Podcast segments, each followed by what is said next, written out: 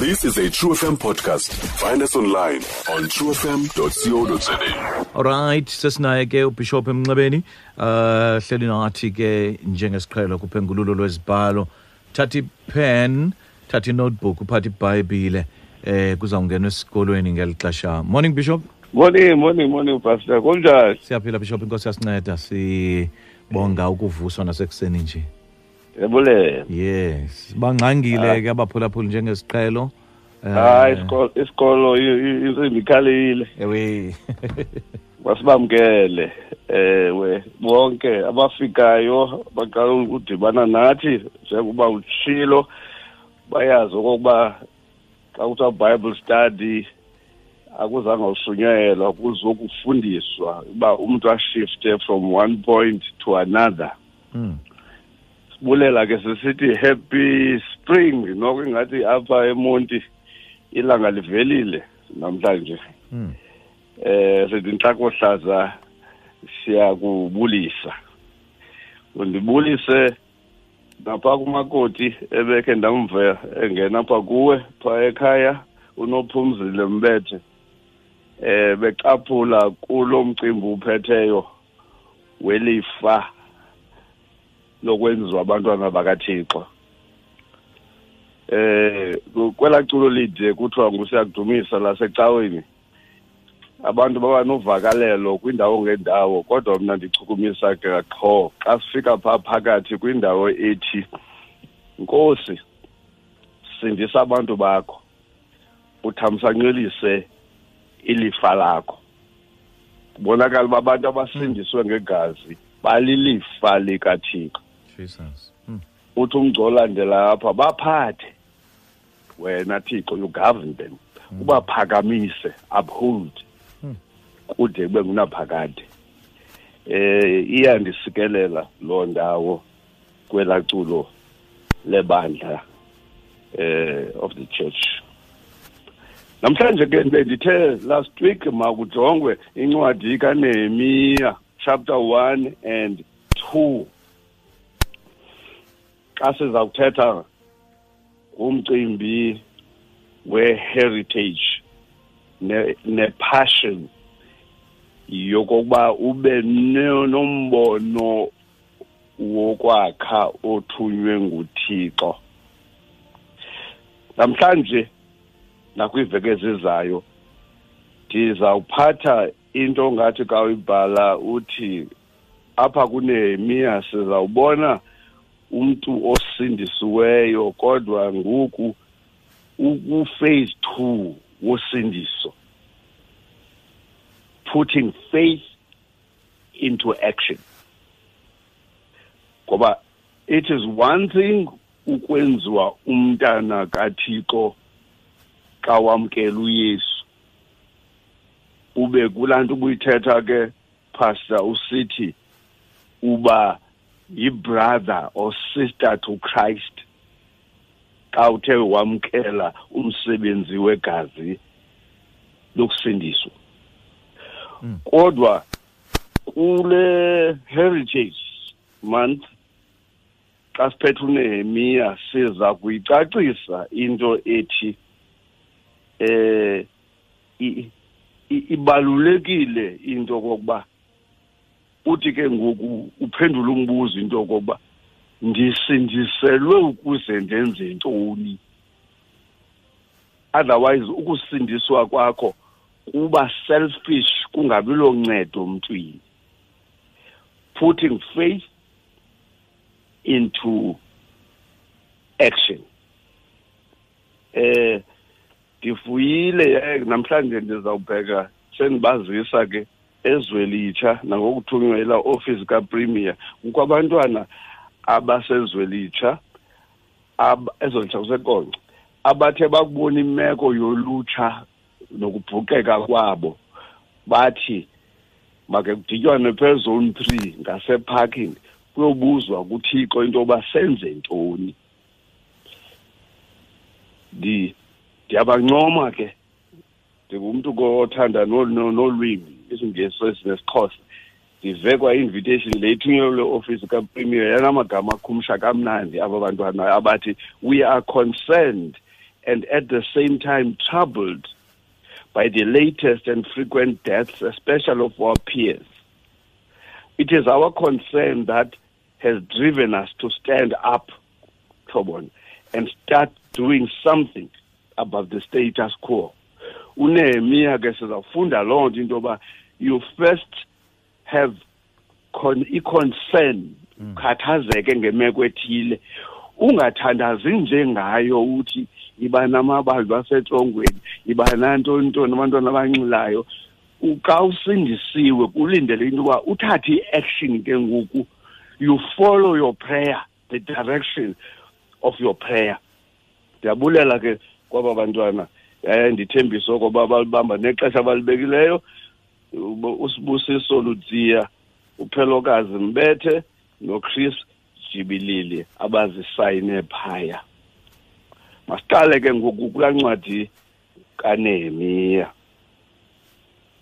Phaa kulaa ncwadi kanehemiya besenditshilo ndathi kukho iinto ezintathu ekufuneka sizifundile yento koba freedom from captivity is not enough babe sebekhululwe abantwana bakwaSirayeli ukubuya ekuthinjweni eBabiloni babuyiselwa eJerusalem ukuze le ncwadi ibhalwe. Freedom from captivity is not enough. It is what happens afterwards that counts. I xa sithethe le heritage ingxaki yethu nakweli lizwe yinto koba i-political freedom sayifumene but bambalwa ba-understandayo ukuthi it is not enough. It is what happens afterwards that counts. Amazwe onke ayalwa ayifumane inkululeko. Uhlukana ke ngoku into yoba emva kwenkululeko kwenzaka ntoni kweli lethu ke singaphantsi ungqina uninzi into yoba sisekumbhodam ukusindiswa to be freed from sin and sinning is not enough. It is what happens afterwards that counts. Okwesibini into esayifunda apha kunehemiya yinto yoba babekhona abantu sebebuyile ejerusalem but what they lacked most was leadership. Babekhona begqithe enkunkumeni beyibona ingxaki kodwa kungekho sikhokhelo. Okwesithathu the problem on the surface apha kulo nehemiah ejerusalem the problem on the surface was of a physical nature. Kwakubonakala inkunkuma nenjongo eziwileyo.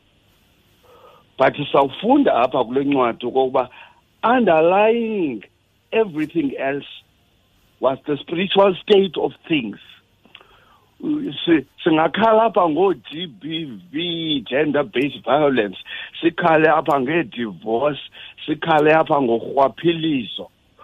Zonke ezi zinto on the surface sizibona with a physical eye but into engundoko elapha ngaphansi esakuyifunda into yoba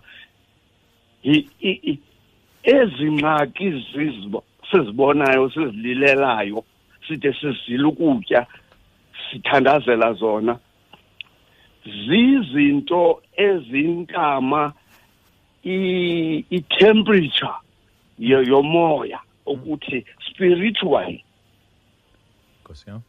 sililizwe sizi-individuals simephi? Yeah. uninzi lethu wena pastor siyanqinelana mhlawumbi ndiyathemba bade banqinelane nam kandisithi emzantsi afrika kokwenu endlini awukali udinga imali kuqala asidingi imali kuqala sidinga isimilo moral regeneration. And i-moral regeneration is not a physical matter. Ayonto onoyiphatha ngesandla. Yinto entama i-temperature i-gauge Yeah.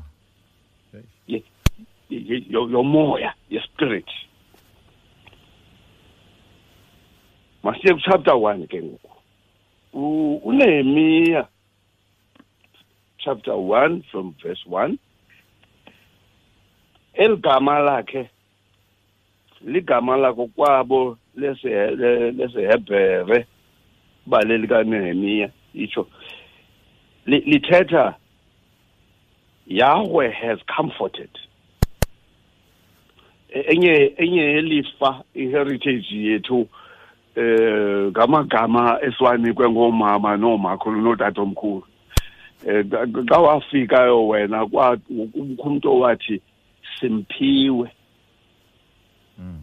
that's your heritage Amen.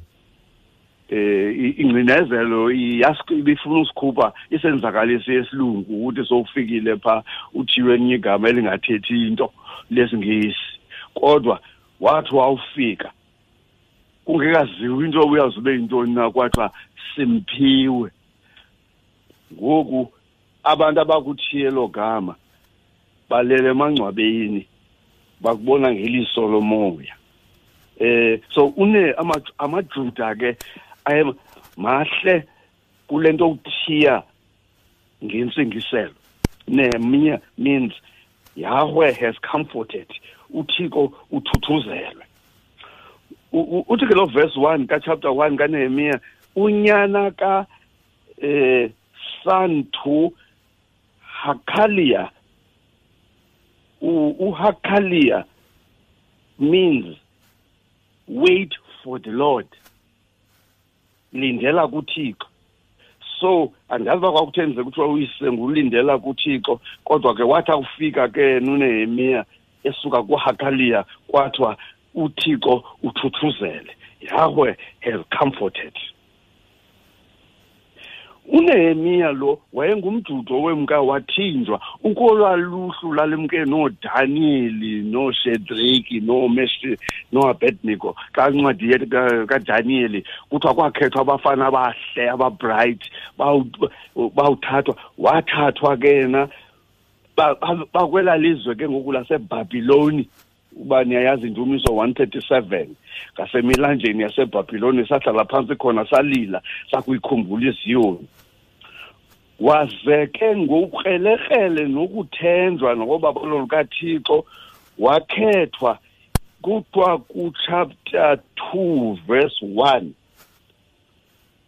Wayengumncamli wewayini kakumkani. Chapter 2 verse 1 xa iphela uthi eh, yabakho iwayini phambi kokumkani ndayithabatha iwayini leyo ndayinika ukumkani. Ngesingesi he was a cup bearer phantsi kokumkani onegama elinzima eh meba ngu-atasasta um artasacus atasasta ithi translation apha? Eh u- u- u- u- umncamli wawungenayo inikwa la position ungathenjwanga ngoba wawuba ngulo mntu ungcamla iwayini phambi uba not ngendlela yokunxila le nto kuthiwa kususa ubuthi ungcamle uyinike ukumkani. Kwakufuneka make ngoku umntu ongenawunyotywa isibonisa ikharektha yale yale ntwana kuthiwa ku- kunehemiya eh ikhabera eh ngezehebhere meaning to give to drink. One who gives someone something to drink. Eh abane ballpen ke mababhale ayonto intsha eh, iGenesis 40 verse 1 pha kulo faro kwakumncamli pha yowayini. Genesis 40 verse 1 Genesis 41 verse 9 eh eh isibonisa lonto yilento athi amangesi kwabayibiza aba bantu bathi zibutler B U T L E R a bottle attendant. A position of influence with direct access to the king. So xa waye ekule position njengomshumayeli ndingathi wayebekwe nguthixo khona ukuze kube lula ukufumana indlebe ikakumkani engacelanga permission eh njengoba sizawubona apha eh, ngezantsi. So wayesebenza ebhabi wayesesebhabhiloni uthi ke chaza kwakula verse chapter 1 verse 1 athi eh, emva kwi-20th year yakhe ndakubona ukuba ndiseshushani komkhulu. Um ushushani sesehebhere um ezinye iincwadi zesilungu zawuthi kwakusesusa. Ishushana asiqala udibana nayo ngoku bezidibene nayo kwincwadi kaestere no-athashasta lo besidibene naye kwincwadi ka-estere kuthi uthi lixesha elithanda ufana eli ishusha le eh ikhona nakudaniel chapter 8 verse 2 icapital yamamedi namaperesi yayiyibhabhiloni phanga kulo sadam e-iraq. Kodwa bekusithi ebusika xa buzawuphela kungena ispring ngeli xesha ihle inkumkani izeshusha nabama indawo eyayithanda uba mntle eh kwi-Persian Gulf. Uthi ke ndaye ndiseshushani xa ufunda izibhalo ngokwendlela ye-bible study akufunekanga uleqeke ngoba kufuneka ugade yonke into ebhaliweyo i-detailed igcwele la, la verse one. Verse two kwafika uhanani character number two. Uhanani omnye wakubazalwana bam. Difficult to translate laa nto ithi omnye wakubazalwana bam. Awumazi noma ngu-blood brother or ngokwesithi one of my brothers. Eh uhanani. Naye igama lakhe linomdla xa bendilijonga uhanani means the lord has been gracious. Uthixo ube nenceba ngakum. So washo kawuzala nje kwedini kuthiwa nguhanani yathinjwa nayo yaphake oh hayi ayithinjwanga yona isuke ejerusalem ngoku ibuyela pha kwafika. Uhanani lo mhlawumbi igama abaliqhelileyo abafundi bezibhalo ngoba yi-variation kuthiwa kwenye indawo uhananiya. Ikwayinto enye leyo. Notha ngepen ukuthi later in this book ku-chapter 7 verse 2 lo hanani became Nehemiah's deputy. Sawufika kuye. Um so kwafika ke omnye wakumadoda ndabuza iindaba zakwayuda. Amasalela asindileyo ekuthinjeni nezeyerusalem umkhaya xa ufika umkhaya um yemani usuka emakhaya? Kunjani emva? Uthi ke bathi kum ndaboma wayengahambi yedwa hanani le amaqongqolo asele kuthinjweni kwayuda. Imeko yawimbi asebubini obukhulu nasekungcikizeni situation in verse 3 kutolikwe ngesingesi kwathiwa i-remnants ezazishiyeke phaa they are in great trouble and shame.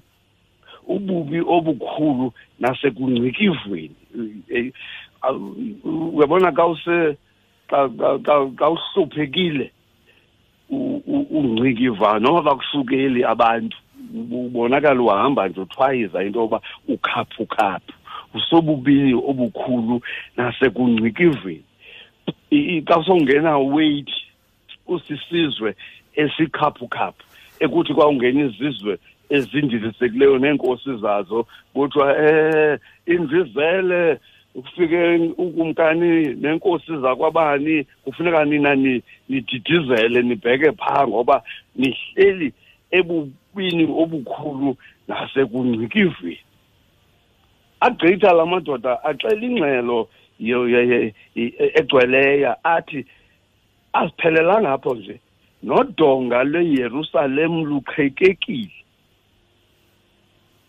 Namasango ayo atshe ngumlilo.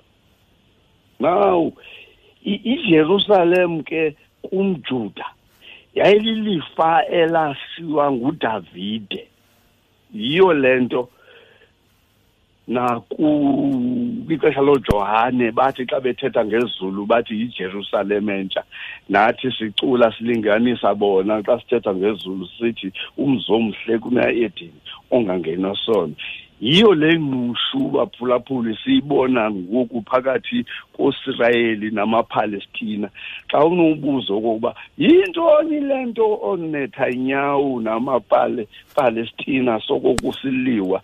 Nootrump bethe gxwabha yinto yokoba kuliwa ngelifa. Ndenza le background ke khona ukuze sokwazi utyibilika kwiivesi ezilandelayo ndicotha nje ngoba ke ixesha lizawundishiya udonga luqhekekile udonga ke was for security. Kube west ke ngoku kuthiwe namasango ayo ijerusalem kwezo ndonga atshe ngumlilo. In other words bathi kuye iJerusalem ilifa loba womkhulu namangcwaba a-exposed. Uyawazi umzongena gate? Ugqitha umuntu apha emnyango ungamazi noba uyangena noba kanti uyagqitha nje ubona indlela enqumlayo ngoba ngumzongena gate. Ndizawubonisa ke kule nyanga yelifa into yokoba umzantsi lo sikuwo nenhlalo yethu esiyihleleyo asohlukanga apha. Si singumzi nesizwe esihleli kumzi ongena gate. Umuntu ofuna ungena uyangena ofuna uphuma uyaphuma. Besisanda uva kwezi veki zipheleleyo sicinga uba kufaka ucingo kulaa bhoda ayibheka ngasezimbabwe.